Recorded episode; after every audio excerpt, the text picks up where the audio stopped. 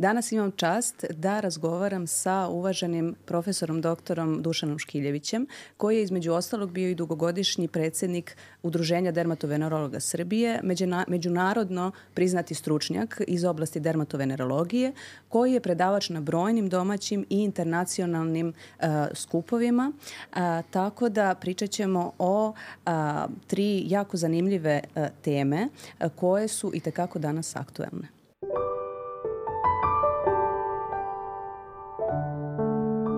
Dakle, jedna od prvih tema koja je zaista danas i tekako aktuelna jeste HPV vakcina i sve vezano za ovu vakcinu. Sad bih voljela da čujem nekako i od vas kao stručnjaka i kao dermatovenerologa. Zašto je ta vakcina nama u stvari značajna, pored, naravno, cele priče o prevenciji karcinoma grlića materice?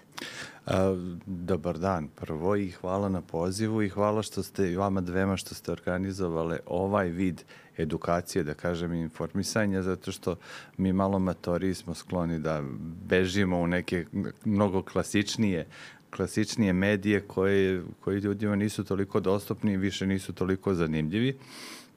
A na vama je da to pokrenete. Sa druge strane, ja ne znam da li ima još dermatologa koji imaju dermatološki podcast i čestitam vam i želim, i želim vam da dugo trajete. Sigurno ima zanimljivih tema.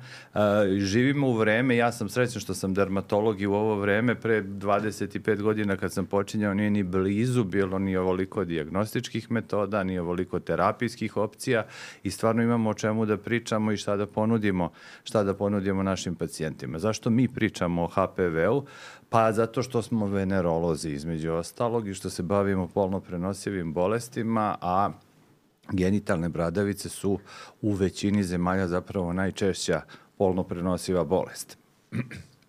Pardon, genitalne bradavice uh, izazivaju humani papiloma virus i tih humanih papiloma virusa ima preko 200 tipova, ali nekoliko njih su nam jako zanimljivi zato što ne samo da prave te bradavice koje valja skidati, koje se prenose seksualnim putem, nego zato što su zapravo baza, ta infekcija, trajna HPV infekcija određenim tipovima, jesu baza za razvoj različitih kancera, e, prvenstveno kancer, odnosno karcinom grlića materice, ali i drugi ginekološki kanceri, kancer penisa i laringealni papilomi, odnosno orofaringealni kancer, kancer glave i vrata. Dakle, e, takođe i kancer anusa kod e, muškaraca koji, koji imaju analni seks, e, oni u toj zoni vrlo često imaju i genitalne bradavice i kasnije to bude teren na kome se razvija, na kome se razvija kancer.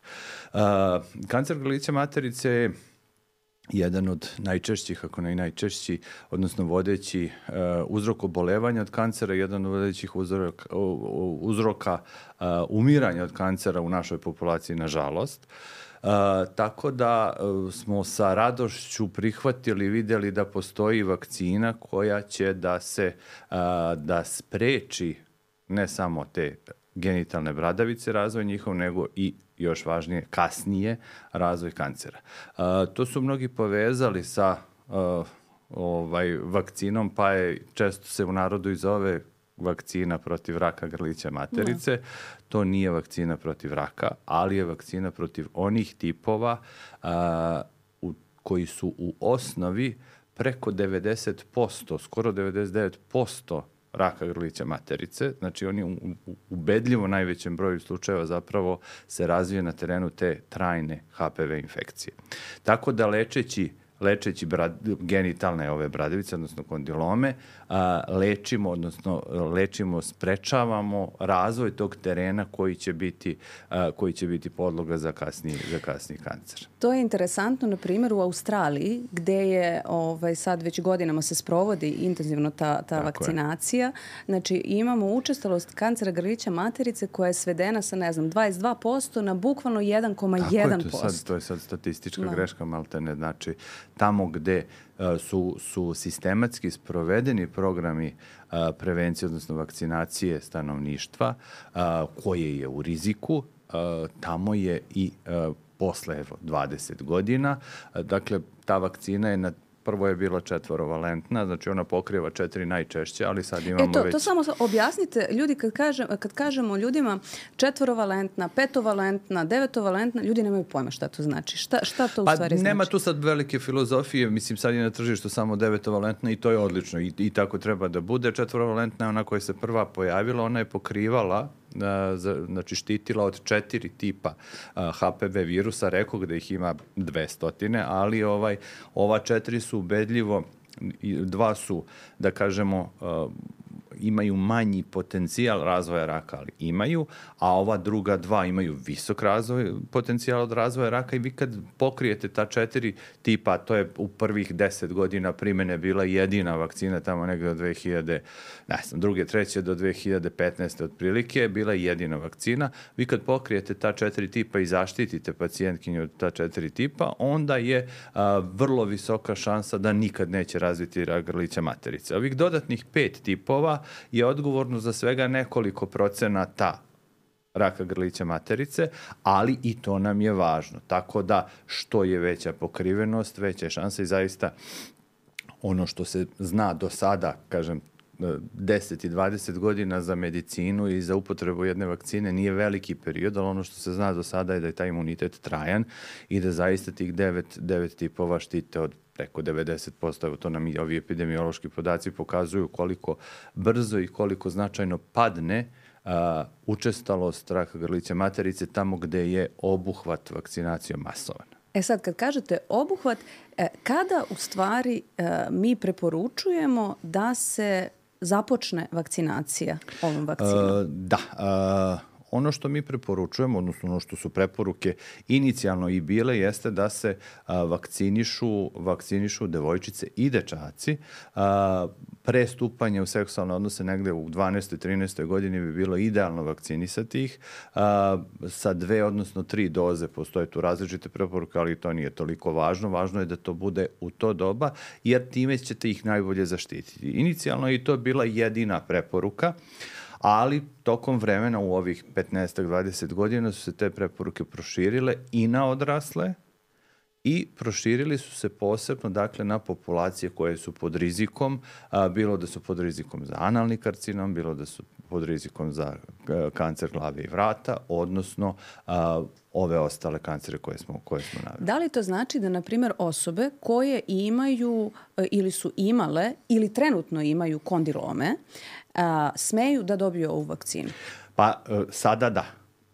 Sada da, ranije je bilo kao nema ve, ako si već dobio kondilome, šta će ti onda vakcina? Međutim, a, kondilome ne izazivaju samo ovi tipovi koje vakcina pokriva. Kondilome izazivaju neki drugi. Vi ne znate šta je izazvalo te kondilome i koji, čak i da je jedan od ovih devet, davanje vakcine nakon toga će da zaštiti od ovih ostalih koji mogu takođe biti podloga za rak, tako da ima smisla dati i posle, posle uklanjanja kondiloma.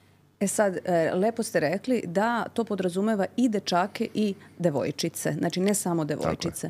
A, nekako je, mislim da je bitno da objasnimo roditeljima zašto u stvari taj dečak je neophodno da bude vakcinisan. Pa evo, rekli smo, znači nije kancer grlića materice i kancer ženskih genitalija jedini koji se razvija na terenu humane papiloma virus infekcije, već su to i kancer penisa i uh, kancer uh, glavi i vrata, odnosno laringealni i kancer anusa, tako da uh, svakako ima mesta zaštiti i, i muške populacije. Slobodno možemo reći da je ovo u stvari vakcina protiv nekoliko različitih karcinoma, tako uslovno rečeno. Tako, tako. E sada, da li ih to, ove, pošto smo rekli da imamo nekih uh, devet jel, podtipova virusa, da li to znači da će neka deca, na primer, koja su sklonija običnim ovaj, verukama, odnosno običnim tim bradavicama, na primjer plantarne te bradavice koje su jako česte kod dece ili na rukama, da li će onda možda manje da, da budu prisutne? A, ha, ove uh, bradavice na tabanima, bradavice na dlanovima, pa onda one ravne bradavice, mm -hmm. uglavnom su izazvane drugim, drugim mm -hmm. tipovima. Međutim, primećeno je takođe da oni koji su dobili vakcinu protiv ovih genitalnih bradavica ređe i manje dobiju, čak i mi nestanu neki od ovih ostalih bradavica. Verovatno tu postoji, znači kad vi razvijete, vakcina deluje tako što uh, stimuliše stvaranje antitela koja su neutrališuća, znači uništavaju virus, a to organizam nije u stanju spontano da, da razvije, odnosno antitela koja, virus, koja organizam razvije spontano ne deluju na, na virus, slabo deluju, uh, tako da a, vrlo verovatno da ta antitela malo prepoznaju neke druge humane papiloma viruse, pa malo potrebe, što bi rekli, unište njih, pa nestanu i ove drugi bradavice. Dobro. E sada, to je ovaj, prva tema koju ja stvarno smatram da je trenutno negde možda najznačajnije ovaj, pričati da, o njoj Da, značajno je zato što kod nas je krenula, krenula vakcinacija, ali nešto rekao bih poprilično traljavo. Ovaj, kod nas postoje razno razne bojazni. Mi smo skloni koje kakvim teorijama zavere, koje kakvim a, a, strahovima od, od, od, od, od razno raznih stvari. A, da ne spominjem vaksere, antivaksere, covid i sve što smo prošli, ono što, čime lečili smo koronu onim što ne treba, čime ne treba da lečimo jer je bilo zgodno, a nismo davali ono što treba da dajemo. Mislim, sve to nekako ide naopako, pa i ovo je, ovaj, ovo je deo te priče.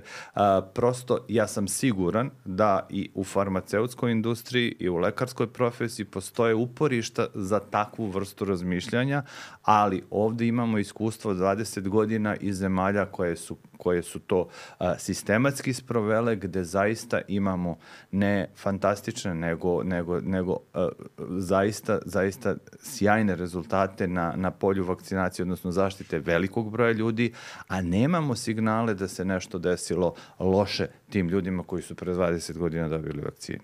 To, znači što se tiče nekih neželjenih reakcija vezano za ovu vakcinu, ne postoji nešto što je Evo, ja ne znam za to. Uh -huh. uh, ono što, što kažu proizvođači ko ne bi smeo je bukvalno su samo ljudi koji su alergični na komponente vakcine, odnosno kod kojih se ispoljela alergija prilikom davanja prve doze, onda ne bi smeli da dobiju drugu dozu.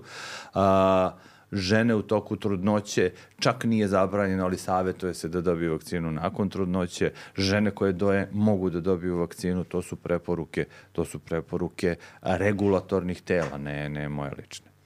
E sada, kažem, ovaj, kada god je nešto inovativno i kada, je, kada se ovaj, novo preporučuje, ovaj, tu ljudi uglavnom imaju te neke sumnje. Zato je druga tema upravo koju pričamo, a, kako se to pojavilo u medijima, vakcina. U stvari nije u pitanju vakcina, ali jeste jedna inovativna terapija a, koja se odnosi na a, jedno genetsko oboljenje, takozvana deca leptiri. Da. da li biste nešto mogli više o da. tome da nam kažete. Šta je, šta je to u stvari u pitanju? Uh, deca leptiri su onako poetičan naziv za jedno užasno oboljenje koje a, srećam nije često, ali za one koje pogodi je zaista užasno. Mislim, mi, mi to gledamo godinama. A, leptiri su zato što, su, što im je koža osetljiva kao, kao, kao kod leptira. Znači, bukvalno, a, to je koža koja prska i puca na najmanji dodir. A zašto se to dešava? Dešava se zato što ta deca imaju jedan a, a, nasledni i urođeni, znači već odmah po rođenju se vidi ne, a, nedostatak određenih proteina koži koji su važni da a, te ćelije kože, da tako kažemo, se drže međusobno zajedno. A, ima tu više različitih defekata, više različitih proteina može da bude defektno i od toga i zavisi kako će to izgledati. Kad kažemo deca leptiri, onda mislimo na najtežu formu, dakle ima ih i blažih i mnogo ih ima.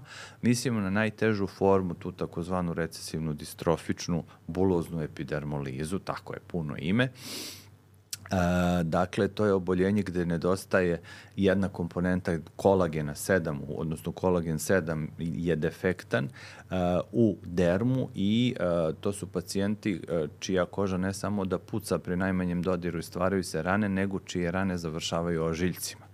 A, dakle, to su deca koja bukvalno od rođenja kreću da pate, a, to su bolne erozije koje završavaju ožiljcima, na ožiljcima se stvaraju nove rane, a, taj stalni proces ožiljavanja i stvaranja ranja na kraju dovodi do stvaranja kancera, a, ta deca imaju iste takve ožiljke, mogu da imaju i usnoj duplje, u jednjaku, suženja jednjaka, a, inače a, su podhranjena, slabo napreduju, imaju, stalno su anemični, stalno su u manjku proteina, sklonija infekcijama i najčešće umiru, nažalost, pate se to malo života što žive i umiru negde u drugoj, trećoj deceniji života ili od sepse ili od neke vrste neke vrste kancera.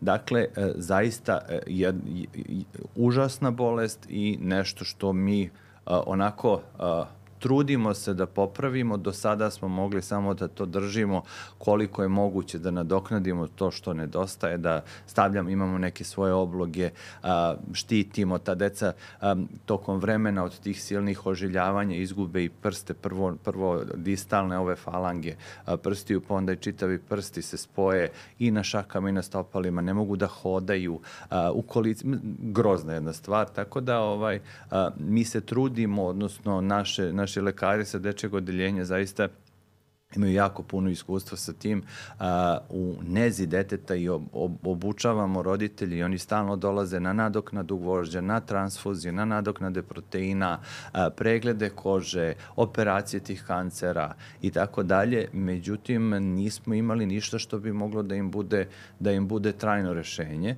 do prošle godine. Mm. Uh, prošle godine je pronađeno, pa i nije, nije vakcina, ali jeste vakcina. Dakle, pronađen je lek koji se daje u vidu kreme, koji zapravo popravlja popravlja taj defektan kolagen. Znači, uh, uh, geni koji sintetišu kolagen koji nisu valjali, nas, nasledno su pogrešni, mutirani, uh, ubacuju se zdrave, zdravi geni za taj kolagen u kožu u vidu kreme i ubacuju se putem jednog herpes virusa koji je bezazlen. Znači, ne može da našteti ljudima, on je inaktivisan, a on unosi te kopije gena u ćeliju i aktivira ih i samim tim se sintetiše, odnosno pravi se taj pravi kolagen kako bi trebalo i kože se u toj zoni koja se namaže, koži se vraća, vraća integritet, odnosno a, biva čitava, ne, nije sklona više takvom, takvom lakom ozleđivanju. To je jako interesantan koncept, bivao je i ranije, ali nije uspevao da se sintetiše, odnosno da dođe do neke komercijalne upotrebe.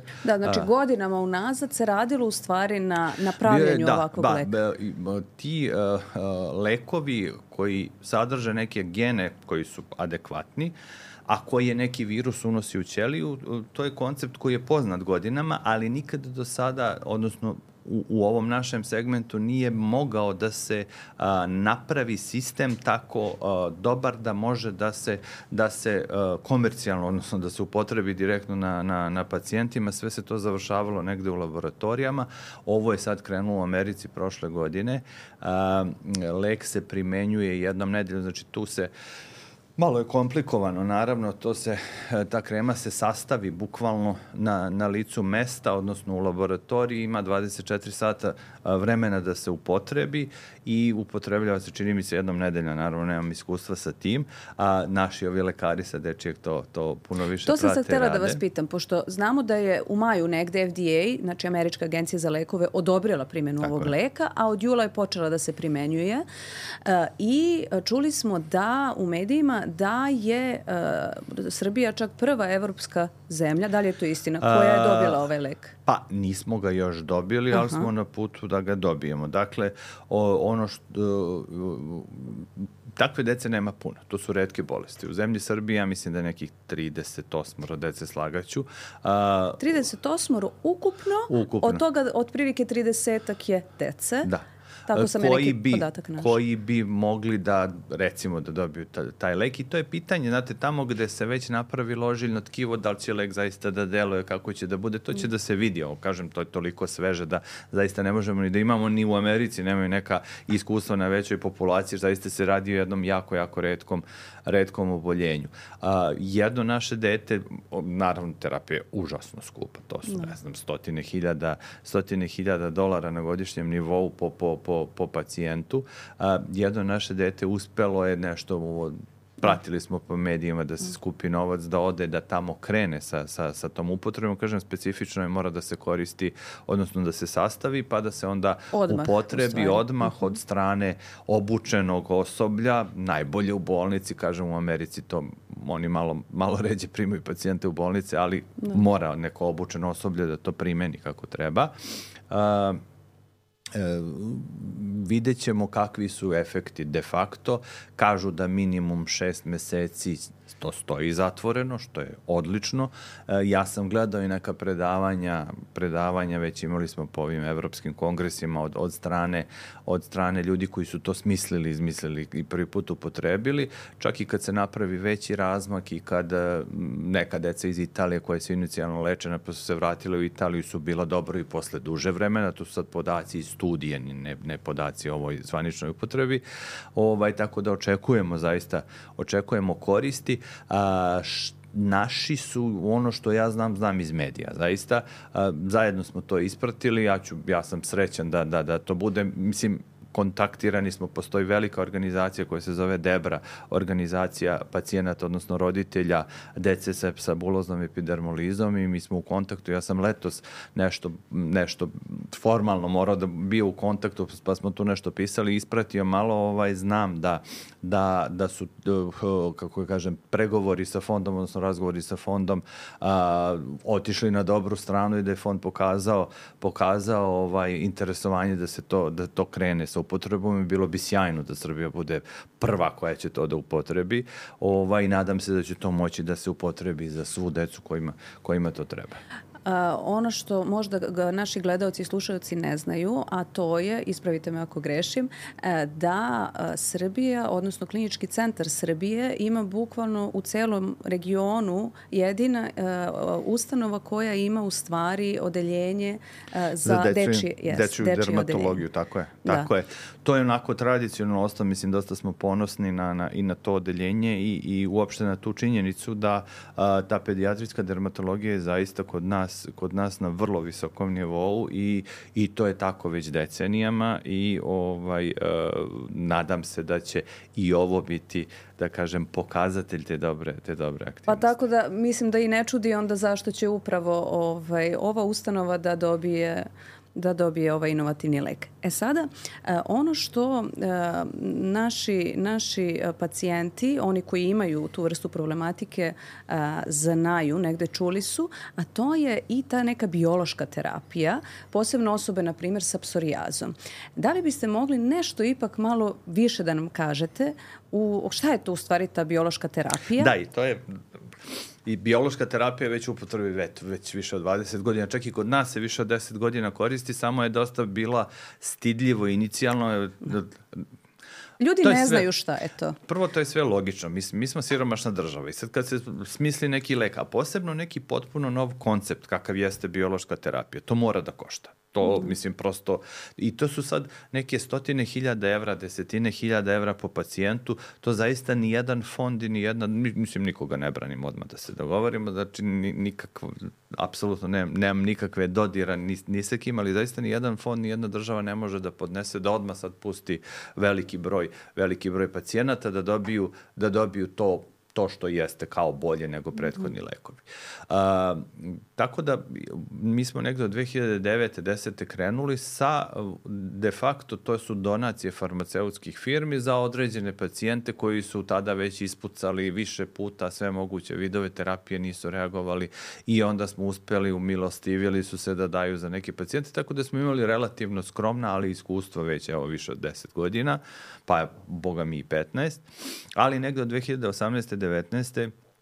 je i to kada jel te, kad se skupi dovoljna količina lekova, dovoljna količina farmaceutskih kompanija, dovoljna količina konkurencije, onda i te cene počinju značajno da padaju. Kad su u pitanju lekovi koji se koriste kod velikog broja pacijenata, onda verovatno i fond može drugačije da pregovara kad kupuje lekove a, za veći broj pacijenata i onda su se stekli uslovi da se prosto taj lek primeni kod dosta pacijenta. Mi sad zaista imamo, ja mislim, skoro hiljadu i po pacijenata u, u Srbiji sa psorijazom na biološkoj terapiji. E sad, ali možete samo ukratko onako da objasnite ljudima šta je tačno ta... Šta je ta... bioterapija? Yes. Da, pa evo... Biološka terapija. Ja kod sebe na odljenju mislim da ima nekih 150 pacijenata, tako da sam čuo sve o biološkoj terapiji, za razliku od vakcine koje su otrovi, neću da unosim i tako dalje, ovo je nešto fantastično. Kažem, a zašto sad ne volite vakcinu, a volite biološku terapiju? Pa zato što je biološka, to je bio, to je nešto prirodno. Znači, to je apsolutno nije prirodno, to su monoklonska antitela. Pričali smo inače o biopolimeru, da. ovaj, baš skoro. Ove. Bio to mora da je Absolutno nešto prirodno, neprirodno, nešto da. na biljnoj bazi. E, nije. Da. Znači, ovo su monoklonska antitela koja su sintetisana u laboratoriji. A, o čemu se radi? Zašto je to potpuno nov koncept? Pa, boga mi, i revolucionaran koncept, ne samo u dermatologiji, u čitavoj medicini, ali evo dermatologija, zato kažem, srećan sam što sam dermatolog u ovom vremenu, dermatologija je jedna od grana koja je prva negde tu, jedna od prvih koja je primenila i čije bolesti su takve da je ovo zgodan koncept za lečenje i od dermatologije se uglavnom i proširio dermatologija, reumatologija, alergologija, neurologija, gastroenterologija su grane koje su najviše profitirali, odnosno čiji su pacijenti najviše profitirali profitirali od, od ove terapije. A, šta je poenta? A, sa razvojem imunologije uvek krećemo neke bazične nauke koje nama da neke, neke impulse koje onda koristimo za lečenje. Sa razvojem imunologije došlo se do toga da, zaključka da recimo psorijaza nije obična bolest kod koje se tu nešto što bi rekli pacijenti krljušta, odnosno stvara se neke skvame pa se tu nešto zadeblja, nego da a, to nije bolest površine kože, nego da, da, da patologija, odnosno patološki proces kreće iz dubine, iz derma, postoje određene ćelije, sad da ne zamaram, koje su prve aktivne i koje sintetišu neke male, male molekule kojima inače ćelije e, komuniciraju međusobno, koji se zovu citokini, koje onda stimulišu a, ove površne ćelije da prave ono što mi vidimo. E sad, kako su se našli ti citokinski putevi različiti, to su osovine određene koje uvek su aktivne kod određene bolesti, samim tim je to i postalo sad cilj za terapiju. Kad blokirate taj put ili te male molekule, njihove receptore, onda prekidate taj put zapaljenja i gubi se klinička slika, gubi se taj psorijatični plak.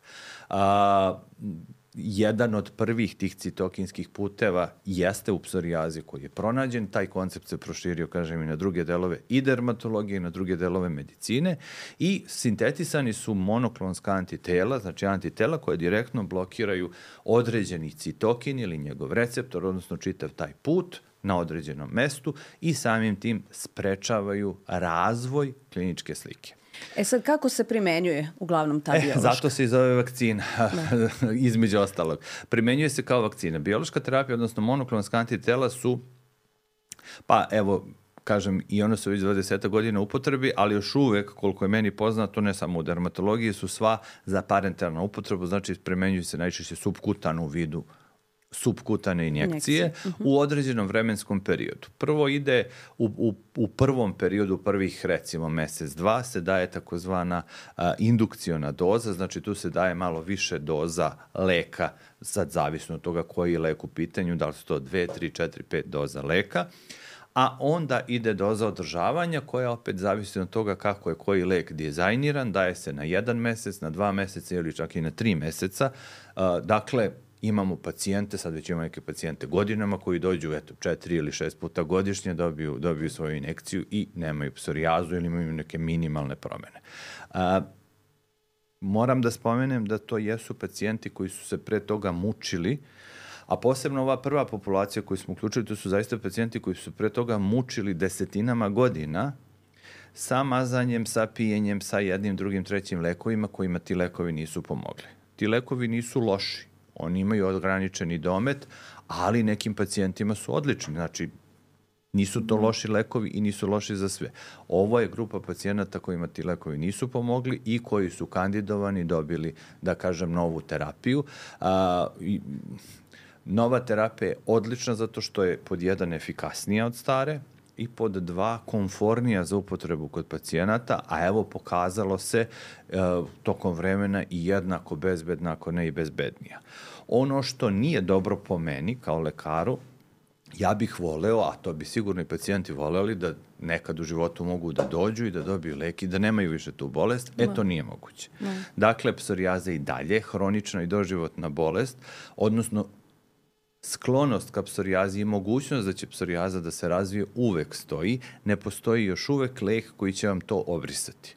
Ovo je ono second best, što bi rekli, znači još nismo došli do toga da ćemo da izlečimo sve, ali makar možemo da uh, pružimo pacijentima nešto što je zaista konforno za njih i lišava ih bolesti na duže, na duže staze. E sad, da li postoji još neka dermatološka oboljenja, ne samo kod nas, nego i u svetu, koja se leče biološkom Tako terapijom? Tako je, da, kako ne. Pa sve te što kažu imunski posredovane, imunoinflamatorne ili autoimunske bolesti kod kojih se definišu putevi koji ih izazivaju automatski mogu po istom principu i da se sintetišu i da se sintetišu uh, antitela koje će da blokiraju te puteve. Atopijski dermatitis, dakle oboljenje koje je ekstremno često kao i psorijaza što je često. A, računa se da je atopijski dermatitis recimo najčešće bolest dečijeg uzrasta danas kod odraslih osoba je radnje bila izuzetno onako ponekad kod nekoga sad već znamo da do, do 40% pacijenata iz dečijeg doba prenese taj svoj atopijski dermatitis u odraslo doba i ima, neki od njih imaju ozbiljne probleme. Postoji terapija Nažalost, nije kod nas na fondu, ali postoji terapija koja može dosta da im pomogne u tom smislu da ih liši tih kliničkih slika, odnosno ekcemskih promjena na duži period. A, hronična koprivnjača. Opet oboljenje koje e, se definiše, dakle, znamo svi šta je koprivnjača, pod navodnicima alergija, da. urtikarije i tako dalje, naleti promena svrab, ovo je po definiciji nešto što je isto to, ali traje duže od šest nedelja. Kod ja, velikog broja pacijenata traje i mesecima, kod jednog broja pacijenata manjeg traje i godinama. Dakle, zamislite koliki je to atak na kvalitet života da. pacijenta koji jako ima dosadno. skoro jako dosadno svakodnevne oboljenje. ili svakodnevne da. erupcije, ne zna kada će to da izađe, a, otoci, bolovi i pod jedan svrab. A, postoje sada već a, i to godinama upotrebi lekovi. Kod nas za neke pacijente uspevamo da dobijemo vrlo mhm. štedljivo za sada, ali nadam se da će to da se proširi, a, m, leko iz domena biološke terapije koje ih a, liše tegoba. Ne mogu da kažem liše ih ko privnjače, ali ih liše tegoba. E, e sada, često pacijenti, nažalost, koji imaju dijagnozu melanoma, čuli su, pitaju me za, za biološku terapiju i za melanom i pitaju kako oni mogu da dobiju. E sad ja vas pitam šta je to što je uslov u stvari da neka osoba koja ima dijagnozu melanoma zaista može i da li može uopšte u Srbiji da dobije a, biološku da. terapiju? A, da, može. A, dakle, koncept biološke terapije sa jedne strane dakle, a, vezan za te imunski posredovane oboljenja i imunske puteve zapaljenja, a sa druge strane koncept, opet pod navodnicima biološke terapije, ovde se ne radi samo o monoklonskim antitelima, tu imamo i neke male molekule i uh, druge vrste molekula. Uh, koncept je isti, oni blokiraju signalne puteve, ali ne upale, nego onkogeneze. Znači, poznati su tamo gde su poznati signalni putevi koji dovode, odnosno mutacije koje dovode do razvoja kancera. A, kancer je vrlo a, a, onako ludo tkivo. A, a, ima veliki broj mutacija, a, metabolički ekstremno aktivan i vrlo ga je teško uhvatiti kad nađete sve te mutacije, koja od njih je takozvani driver, koja je ona koja pravi kancer, koje su ostale, koje su posledice samo tog tako poludelog tkiva. A, mislim, kolokvijalno da kažem. U svakom slučaju, e, tamo gde se, da se znaju mutacije, onda i dejstvo na te mutacije uh, sprečava dalji razvoj kancera. Uh, šta to znači? Uh, konkretno za melanom. Uh, to znači da uh, kad govorimo o melanomu, m, prvo treba da, ono što bi trebalo da bude prva poruka za sve pacijente je da pregledaju svoju kožu, da se štite od sunca i da se obrate dermatologu kada, odnosno lekaru svom opšte prakse, pa posle dermatologu, kada imaju neke sumnjive promene.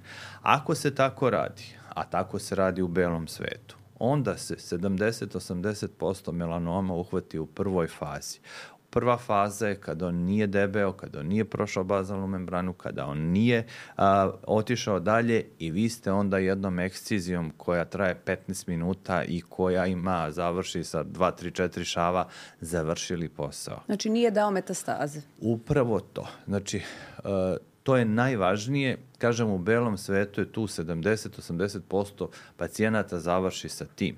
Melanom je jedan od najzloćudnijih tumora zato što ima vrlo zloćudno ponašanje, ali kad ga uhvatite tada, vi ste rešili problem. U svetu tih 20-30% melanoma prođe dalje.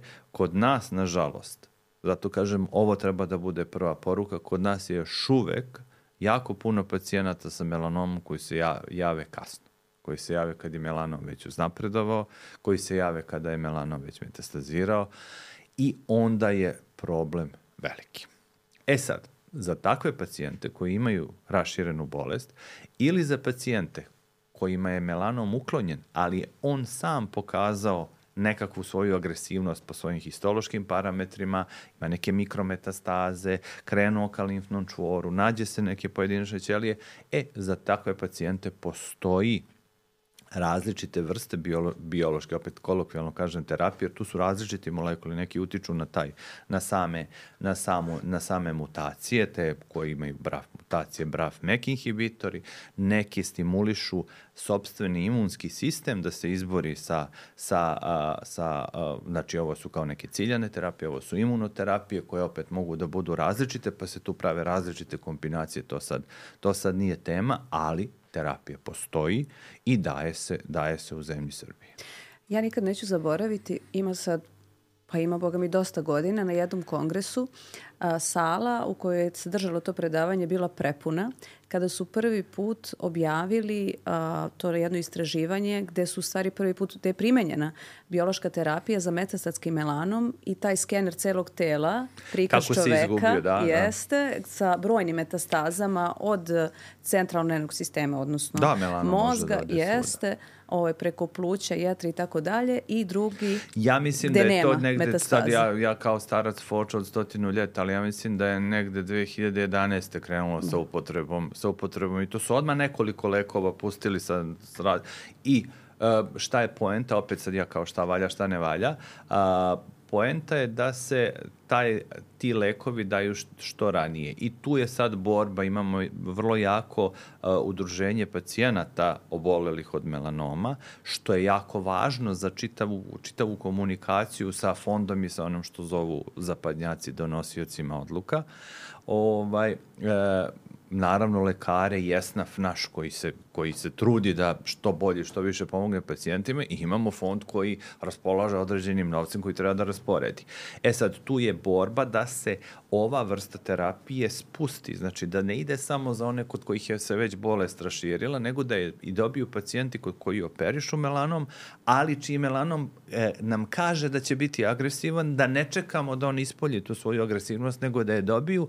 Studije su pokazale da kada se tako da biološka terapija, opet pod navodnicima biološka terapija kod takvih pacijenata, pa se daje jedno vreme, godinu, dve dana, a, da je mnogo manja šansa da će taj melanom dalje napredovati nego kad se samo izvodi i kaže dobro je sad čekamo da vidimo da li će nešto da se znači, razvije ili neće. Ovo, preživljavanje. Tako da takvih pacijenata naravno kako spuštate uh, tu granicu onda sve više, ta, više takvih pacijenata to sve treba ispoštovati, isplanirati.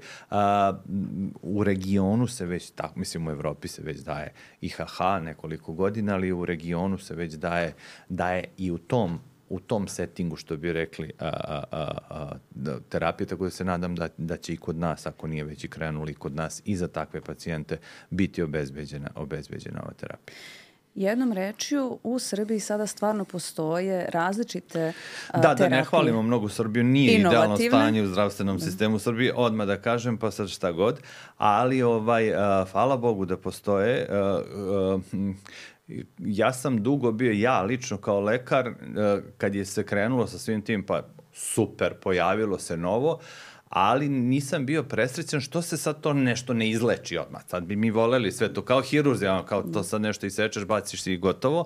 Ne, očigledno, nismo sa naukom došli do otle da, može, ali uh, čitav koncept biološke terapije je zaista jedna nova revolucija u medicini. To moram da priznam. Posle, evo, 20 godina praćenja i 10 godina upotrebe u različitim oblicima, jeste zaista revolucija. Odnosno, zašto to priznajem? Zato što svakodnevno radim, znači, ne, ne bude dan da nemamo desetak takvih pacijenata mi na odeljenju da vidimo koji po različitim osnovama dobiju različite terapije i kad vidite njih i kad čujete njihove priče i kad čujete pa makar, pa makar, makar to bila i psorijaza, a ne neki, neki onkološki, onkološki pacijenti, kad vidite koliko se promenio kvalitet života, I to je jedna revolucija što smo uspeli da uvedemo parametar kvaliteta života u te hronične bolesti. Jer do sad je bilo, do tada je bilo, ok, imaš hroničnu bolest, bolje se saživi s tim, nemaš terapiju, imaš nešto što će da te krpi. Ali živećeš. Da. Živećeš, da. nećeš da umreš od toga, ajde, bogati, nije ti ništa. E, sad,